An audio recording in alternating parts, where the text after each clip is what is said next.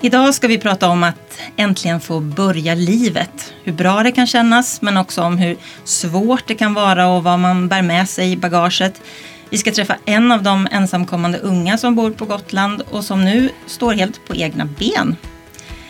Välkomna till I verkligheten, en podcast från socialtjänsten på Gotland och jag heter Anna-Sofia Hakeberg. Och med mig här i studion i Almedalen idag har jag Hamid Mohammadi och Emelie Wachtell. Välkomna. Tack så Tack mycket. så mycket. Jag tror att vi börjar med Hamid. Eh, och du har lite andan i halsen här nu. Du kom från lektion Ja. i skolan. Mm. Vad, vad är det du pluggar? Alltså jag pluggar eh, på vård och omsorgsprogram. Mm. Och sen, Hur är det då? ja, det är jättebra tycker jag. Och sen jag trivs med det här programmet.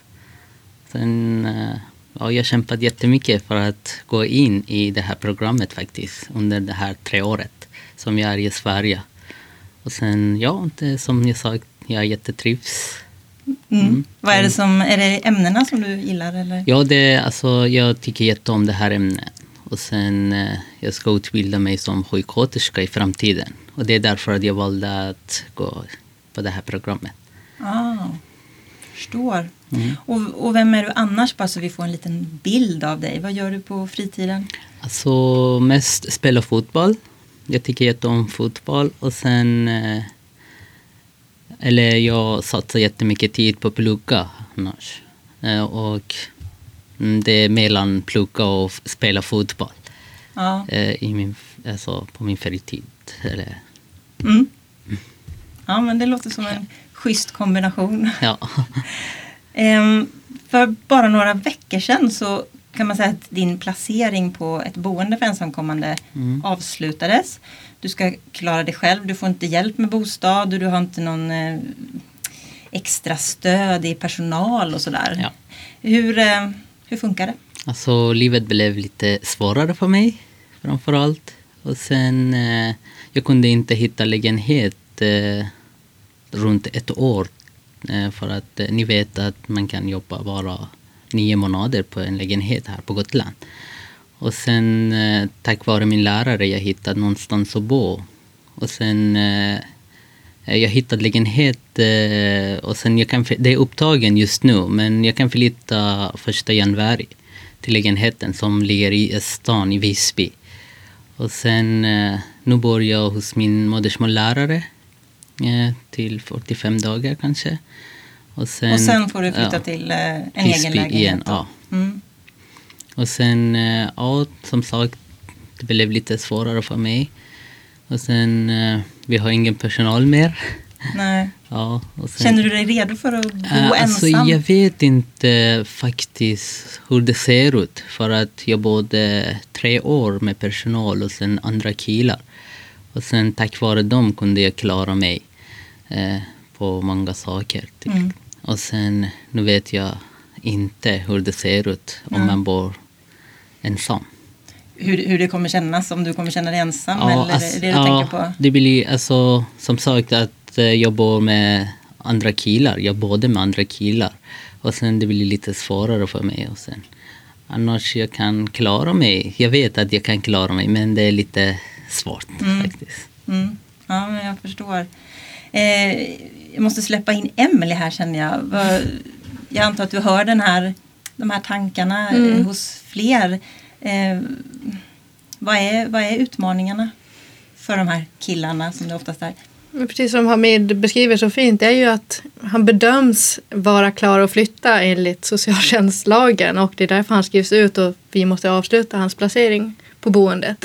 Men samtidigt återstår ju jättemånga utmaningar eh, såklart som det hade gjort för vilken 19-åring som helst som skulle flytta hemifrån.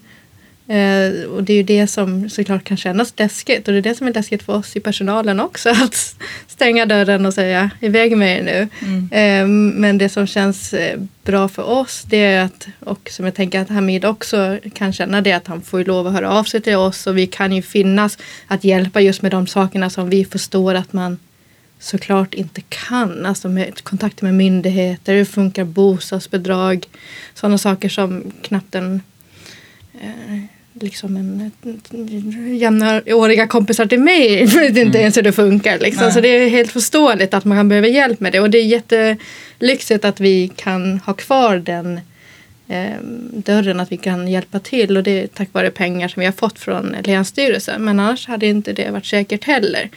Att man hade kunnat hjälpa till. Men Mm. just eh, det är ju en komplex verklighet och det är jättesvårt att förbereda en person för ett liv, ett vuxenliv sådär på så, så kort tid. Jag, jag tror faktiskt inte att vi riktigt redde ut din titel här. Du är någonting som heter etableringskoordinator och praktiksamordnare. Eller hur? Det stämmer bra. Ja. Så du hjälper till just med Mm. sådana här saker? Eh, Min tjänst eh, är från eh, ett tudelad på det sättet att eh, praktiksamordnare och etableringskoordinator. Praktiksamordnare den är lite lättare att förklara eh, utåt mot killarna också för den är ju mer operativ. Då är jag ute på boendena och hjälper till att hitta praktikplatser. Det är inte så många killar som vill ha praktik för de här killarna vill jobba och tjäna pengar och bidra till samhället och tycker praktik är lite frustrerande kanske. Men så det blir lite mer att man kanske sitter och uppdaterar CV och hjälper till att söka jobb på det sättet. Det är den delen av tjänsten. Sen etableringskoordinator den är mer strategisk och lite mer verksamhetsutveckling. Och då sitter jag mer på kontoret och jobbar i, i, mot enhetschefen och eh, finjusterar hur vi i verksamheten kan eh, bli bättre i vårt uppdrag att faktiskt förbereda killarna eh, på riktigt och att vi i våra arbetsmetoder och i våra samtal och eh, med material och liknande så att vi, att vi säkerställer någon sorts kvalitetssäkring att etablering verkligen sker så att inte den dagen om vi har skrivits ut att det inte känns som att man är färdig alls. Mm. Jag tänkte vi ska bara gå tillbaka till det där. Hamid, du är ju 19 år och det är Mm. många 19-åringar i- som har vuxit upp i Sverige som också ska flytta hemifrån. Är det svårare för den här gruppen och varför är det det för till exempel dig Hamid? Vad, Mm, alltså, jag vet att eh, socialen kan inte hjälpa mig mer för att jag är en vuxen kille och sen jag måste alltså, klara mig på egen hand. Det vet jag. Men alltså, det, det kan vara lite svårt för mig att koppla till andra människor. Till exempel, jag känner inte så många folk här för att få hjälp. du har inget eh, kontaktnät på samma sätt? Nej, kanske? ja, ja. Alltså, jag vet att personalen som jag känner, att eh, de sa till mig att du kan komma till oss och sen du kan få hjälp och så vidare. Men eh, ja, det är inte bara jag. Det finns många killar som kan inte alltså, hitta någonstans att bo till exempel. De, alltså, eh, jag har en kompis som eh, jag pratade lite med honom och sen han sa att eh, jag ringde till några svenskar för att hitta lägenhet men de sa att du är invandrare eller du, är, du går på gymnasiet. Du, då kan vi inte hyra ut lägenhet till dig. Och sen, ja det inte bara jag. Det finns många killar som kan inte klara sig. Mm, det är och det är tuffare ett problem. det ja, det är ett problem. Och sen, ja, jag vet, eller det är svårt att, eh, jag vet att det svenska litar inte på oss. Det, ja, det känns Känns- så här. det så? Ja, det känns så här. Men eh, vi försöker att göra vårt bästa här Mm. i Sverige i alla fall. För att mm, kan lösa det här problemet. Jag måste bara fråga, känner du dig som, som gotlänning nu? Du har varit här. Ja, det är tre år. år som jag bor här och sen... eh, Ja, lite grann. Men det, kommer bli eh, mer i framtiden. Mm. Ja, vi kommer säkert tillbaka till det. Ehm, jag tänkte fråga ehm, hur, hur går, Emily ehm, Hamid, du är ju igång, du pluggar, du har en plan känns det som. Hur, hur går det för, för andra? Hur går etableringen av Mm. de som har kommit? Ja, men, eh, den går ju såklart framåt eh, samtidigt som det är många utmaningar med det som Hamid ringar in här. Just nätverk. Eh, hur eh, kan man få ut, utökat nätverk? För det är ju det sättet man får många jobb och, och lägenheter och särskilt här på Gotland i sådana här lite mindre samhällen så är det ju eh, nätverk som är eh, det som leder till jobb och eh, bostad. Eh, så, men just när det gäller eh, etablering, det, vad är etablering egentligen? Det kommer till det. Men det är ju att man känner att man har en plats i samhället. Och det hoppas jag att de flesta killar känner och att det blir ju mer och mer om man kommer in i skolan. Vi har många killar som går nationellt program. Eh, det vill säga att de går ett vanligt program i en blandad klass. Men sen är det många som fortfarande går språkintroduktion. Mm. Och då är det ju eh, väldigt segregerat tyvärr. Ehm, och att man inte får träna på svenskan och sådär. Men eh, Och sen är det lite olika grupper då. Några som Hamid, du har fått permanent uppehållstillstånd Ja, nu. jag fattar. Och andra omfattas av den här gymnasielagen. Och sen är det väl några här som är, är kvar som har fått besked om att de egentligen inte får stanna. Precis, eh, och det brukar jag ofta få förklara för att just nu på vårt boende eh, så är det eh, i Region Gotlands regi så är det 26 ungdomar bara. Samtidigt som vi märker att det är många fler här på Gotland. Mm. Och det är för att det är ett, ett 60-tal ungdomar som eh, för något år sedan fick avslag på sin asylsökan och fyllde, hade full, han fylla 18 eller fick sin ålder uppskriven och därmed inte kunde bo kvar på våra boenden. Och det här är ju Hamids kompisar och gamla killar som har bott på boendet så de existerar ju också i samhället och om man får vara krass konkurrerar om samma bostäder som de här Mm, killarna. mm. Så det är ju tufft att hitta någonstans att bo. Och just eh, de här lite billigare lägenheterna eller eh, gårdshusen eller ovanför något garage. Och det som, för ni får inte alls mycket pengar i månaden. Nej, ni får ett vanligt CSN och eh, Mm. för gymnasiestudier. Som du säger att ni går ju faktiskt på gymnasiet och ni kan Mm. inte heller söka studentbostäderna här. Så Mm. det är, Är det det? Vad, vad lever du på? Är det CSN? Ja, CSN bara just Ja. nu. Och sen jag jobbade lite i sommar. Ja. Och sen jag har lite pengar i, min, i mitt konto faktiskt. Och sen eh, nu bor jag hos min lärare och sen eh, hon stöttar mig Mhm. just nu. Och sen tänk om han var inte här och sen eh, jag kunde inte få hjälp av honom. Vad hände då? Eh, alltså- Men kommer du ha råd att betala hyra? Ja, precis. Det kommer du fixa? Ja. Ja. Mm. Och sen, eh, det är inte bara jag. Nu fick jag hjälp av min modersmållärare med andra killar. Vad gör, vad gör de? Det är andra killar. Det är svårare för dem tycker jag. Mm. Så du, du känner att du har... Ja, jag Haft har tur någon i det här, att, ja, att alltså har jag hade tur att min modersmållärare stöttar mig, eller min gammal gudman. Tack Mm. vare henne hittade jag en, eh, en lägenhet i stan. Annars det var omöjlighet att hitta Mm. Någonstans vara nära till skolan eller jobb. Mm. Jag ska jobba i sommar och sen det går inte att ta bussen. Ja, det går men det är lite svårt faktiskt. Mm. Just nu till exempel jag går i skolan och sen eh, jag tackar nej till jobbet för att jag har ingen skjuts. Jobb i... Eh, till exempel i helgen menar jag. Vad, vad är det du jobbar med när du jobbar extra? Eh, ja, I hemtjänsten? i va? hemtjänsten. Ja, mm. jag jobbar i hemtjänst och sen Mm. Ibland tackar jag nej för att jag har ingen skjuts. Mhm. Jag blir lite nyfiken nu Hamid. Eh, vi har inte ens berättat var, var du kommer ifrån från början. Kan, kan du berätta lite om din resa Mm. Ja. hit till Sverige? Eh, alltså jag kom från Iran november 2015 och sen det nästan tre år, eller tre år. Ja. Och sen eh, jag kom först, eh, eh, jag gick till Turkiet och sen till Grekland och sen eh, många andra länder. Eh, vi, vi var en gäng och sen jag kom med dem. Alltså, annars- en, en grupp som ni, ni åkte tillsammans Ja, genom vi Europa? åkte tillsammans Mm. till Europa och sen eh, tack vare dem hittade jag vägen. Annars kunde jag inte klara mig. De hjälpte mig jättemycket under den här tiden som vi var i, alltså på vägen. Och sen kom jag till Sverige. Åkte du båt? Alla pratade om de här Ja, alltså först. Turkiet till Grekland.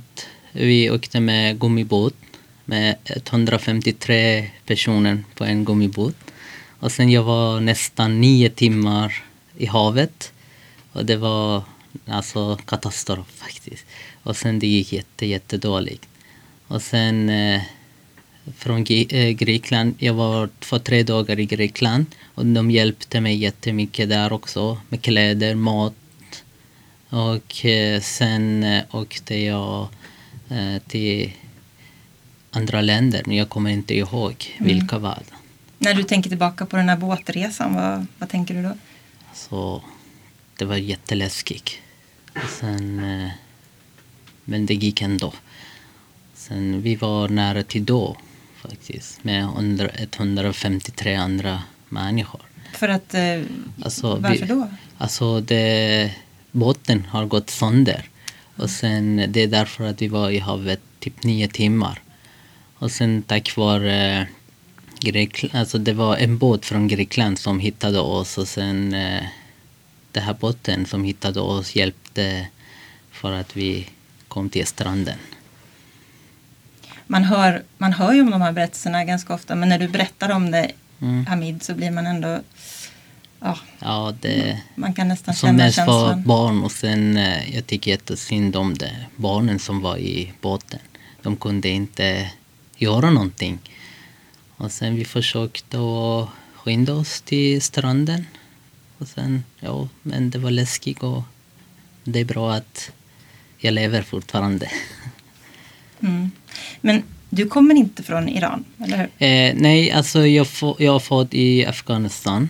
Och sen när jag var bara två år, min mamma och min syster flyttade till Iran. Och sen eh, där jag var 14 år som jag var i Iran. Och sen där lärde mig lite persiska istället där. Och sen, eh, ja, jag lärde mig lite eh, skriva och eh, läsa. Tack vare, det var lärare där också i Iran. De lärde oss bara skriva och läsa, ingenting mer.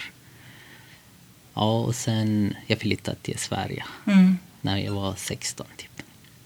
Vad tänker du Emelie när du hör, hör Hamid? Ja, jag tycker det refererar till eh, barnen i båten men Ja, för oss alltså. så du var ju också ett barn. Du var ju Ja, bara 15, alltså 16. Jag, alltså jag var 16 och sen, eh, alltså jag var äldre än dem. Och sen Mm. jag kände vad, hur känns de? Och sen Mm. det var jätteläskigt och sen ja. Eh, nej men det är ju väldigt... Eh, och det, det är lätt att man glömmer bort det. Att vilka så här, berättelser och vilka, Mm. vad ni har varit med om på resan hit. Och det, är- det är bara tre år sedan och det glömmer man lätt bort. Det känns som att det var så himla länge sedan men det är ju inte det såklart. Det, Nej. det är jättenära samtidigt som eh, vi måste vara här och nu och det känner egentligen ingen till att, att eh, linda in någonting utan det, i vår verksamhet jobbar vi mycket med att tala om verkligheten så som den är och, att, Mm. och vilka utmaningar, att, eh, att, eller snarare att jobba utmanande i samtalen och sådär för att förbereda. Men det är klart att det måste göras med en jättestor dos Mm. eh, eh, omtanke och eh, förståelse för vad ni har varit med om. Mm. Så jag glömde bara namnet på länderna. Annars jag påminner mig hela tiden vägen Mm. från Grekland till Sverige. Och sen, ja, det är därför att jag kämpar hela tiden här i Sverige för att nå på det här målet som jag vill ha. Mm. Och det målet är? Jag ska bli sjuksköterska här. Mm. Hade du det målet innan du Nej, flydde? nej, inte innan. Men eh, när jag kom till Sverige, jag pratade lite med min eh, god man. Hon berättade lite alltså, hur det ser sjukvården här i Sverige. Och sen hon sa att vi behöver mer personal som jobbar till exempel sjuksköterska eller under sjuksköterska. Då bestämde jag mig att eh, plugga hårt för att bli sjuksköterska. Låter som en bra plan. Mm. Vi har ju faktiskt haft en podd eh, tidigare eh, som handlade om en annan kille som också kom till Sverige och till Gotland. Eh, han hette Mustafa. Och, och då handlade det mer om, för han var i en fas då när han inte visste om han skulle få stanna eller inte. Och du har ju fått besked om att Yes. du får stanna. Vad, eh, hur kändes det när du fick det beskedet? Ja, alltså det är otroligt faktiskt. När jag hörde att jag har fått det här uppehållstillstånd. Sen jag blev jätte, jätteglad faktiskt. Så det var första steg som jag kunde dra till att eh, mitt mål i framtiden. Och sen det var det svåraste faktiskt. Svåraste än plugga. Och sen det, det var nästan omöjlighet, eh, eller det är nästan omöjlighet att få besked här i Sverige. Och sen eh, när jag fick den, alltså det, jag blev jätteglad. Mm, jag förstår. Och det är ju så att det kommer inte så många nya ensamkommande barn och unga till Gotland nu. Hur många är det kvar som väntar på besked just? Vet du det, Emelie? I vår verksamhet Ja. så är det två som inte har uppehållstillstånd. Så um, majoriteten har uppehållstillstånd. Men det beror ju också på um, att de andra har bytt ut skriven vår verksamhet. Så vi har ju fler på Gotland i vårt samhälle såklart. Så jag tycker det blir lite missvisande att säga att det bara är men um, annars som du säger, det kommer ju inte så många och det är ju för att gränserna är stängda hela vägen upp Mm. egentligen i stort sett. Och att problemet är ju inte borta för det utan vi är medvetna om det. Men det kom faktiskt en kille häromdagen ehm, från, som hade varit i Tyskland. Mm. Mm. Och då, när det, men ändå när det är så att det kommer färre, då förändras ju Region Gotlands Mm. verksamhet kring det här. Såklart. Som mest hade vi runt 100 anställda som 100 jobbade med anställda och upp mot 10-11 boenden. Så det var ju en Och vart är vi nu? gigantisk verksamhet då, som var en avdelning inom Region Gotland. Och nu är det en enhet som ligger under individ och familjeomsorgen istället. Det som är nu är ju att vi, vi håller ju på att avveckla sakta, sakta men säkert. Och det är ju väldigt speciellt och särskilt i kanske min roll då som etableringskoordinator att driva förändringsarbete i en, i en, i en eh, verksamhet som håller på att avvecklas. Mm. Eh, så det blir en jättestor utmaning för, för personalen. Och det handlar mycket om då att, att rusta, rusta er Hamid för att eh, Mm. fixa och, och bo här sen och börja sätta igång sina liv. Ehm, den här killen Mustafa som vi hade med i förra podden, han pratade också om att i den, då när han var i den fasen han var, att han tyckte att många gotlänningar var rädda. Vad tänker du när du hör det Hamid? Eh, alltså...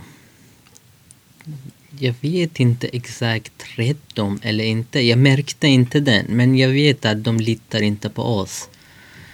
Och sen... Jag såg inte att de rädd från invandrare eller... Annars jag har många alltså, klasskamrater i skolan. Sen jag har umgås med dem. Mest av dem är tjejer. Och sen... Jag kände, alltså, jag märkte inte den. Men varför tror du att det finns den här att de inte litar på Mm. Jag ska inte säga att det är alla gotlänningar, jag sa många gotlänningar. Det kanske Nej, inte Nå- bara alla, det är bara en del av dem. Alltså, jag, jag, jag pratar inte om alla. Och sen det är bara en del, alltså, kanske 2-3 procent. Det är inte så mycket, men eh, jag vet inte varför. Alltså, jag har inte funderat på den. Vad tror du, Emily? Nej, jag vet faktiskt inte heller. Ja. För man, man är väl rädd för det man inte Känner, känner till. Ja, men precis. Eh, och tyvärr så är det ju eh, ja, men vilken vinkling nyheter får. Och det är ju sällan positiva nyheter som lyfts fram.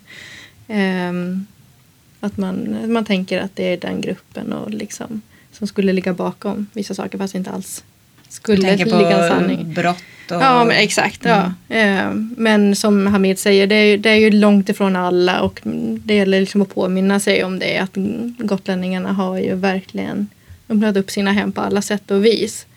Eh, Och blivit gode män och Ja, kontaktpersoner. annars och flesta av dem Ja. är snälla tycker jag. Alltså, Men, eh, verkligen. Men det som känns, måste kännas tungt och som jag har märkt av med de här killarna som nu har flyttat ifrån vårt boende när de söker lägenhet att man får många nej. Och det, hade, det får vem som helst. Det är jättesvårt att hitta och det är många nej på vägen tills man till slut får det där jaet. Eh, och där tror jag att det, tyvärr kanske blir ett nej för att man eh, säger ett utländskt namn till exempel. Eh, för det vet jag också att jag när jag skickar ett sms med mitt eh, och skriver under med Emily så kan jag få ett svar mycket snabbare än vad kanske en kille får. Så det är lite sådana saker som man känner men samtidigt så eh, exakt. Mm. Eh, Emily, du har ju sagt till mig också att, att en del av dem du har pratat med, som du har mött, som, som har liksom en känsla av att de när de vill ha, ha fått uppehållstillstånd så vill de vara med och betala tillbaka. Mm. Ja, men det, jag tycker det jag sa, var, sa inledningsvis här om min roll som praktiksamordnare att, att man vill jobba nu. Man vill, det är så att man behöver pengar men också tror jag att man vill bidra till samhället och att man, att man känner att man faktiskt eh, vill betala tillbaka på det sättet. Eh, och att som du beskriver där med det upp, du har fått uppehållstillstånd nu, att man faktiskt kan det. Att innan även var man lite bakbunden, att man inte visste om man skulle få stanna kvar eller inte. Och, men att nu eh, att man landar i, i ett besked och då faktiskt kan betala tillbaka. Känner du också så Hamid? Eller? Ja, det känner så. Exakt, det stämmer. Rakt svar på den frågan. Mm. Ja, vad... ehm, framtiden Hamid? Du, du, har sagt, du har berättat nu att du vill bli sjuksköterska. Vad har du mer för drömmar och tankar? Mm. Alltså, jag pluggar just nu som, eh, alltså, på gymnasiet. Och efter gymnasiet eh, kan jag få jobb strax, tycker jag, genom vården. Och sen jag ska fortsätta att plugga vidare som sjuk, att bli sjuksköterska. Och sen efter, jag har inte bestämt just nu. Och sen, det första steget är sjuksköterska. Mm. Det är mitt mål till framtiden. Mm. Och efter, om jag har lust, och sen jag ska fortsätta och plugga till kanske läkare. Ja, men vi får se. Du har en familj också som är kvar i Iran. Iran. Mm, min mamma och min syster bor där fortfarande. Kan, kan, eh, tänker du att du vill försöka få hit dem eller? Eh, nej, det, det går inte just nu.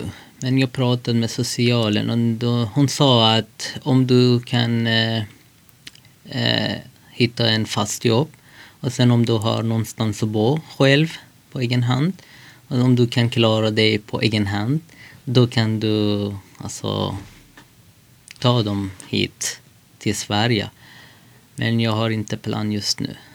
Jag har fokus bara på plugga och skolan.